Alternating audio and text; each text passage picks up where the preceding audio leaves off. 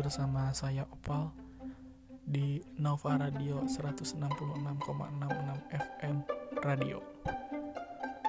Di sini saya akan sedikit membahas tentang tugas sekolah yang menumpuk. Apakah Anda juga begitu?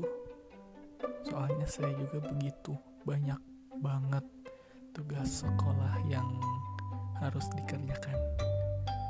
Dan waktunya itu tuh susah anjing.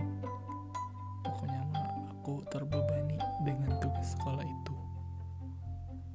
Ya terima kasih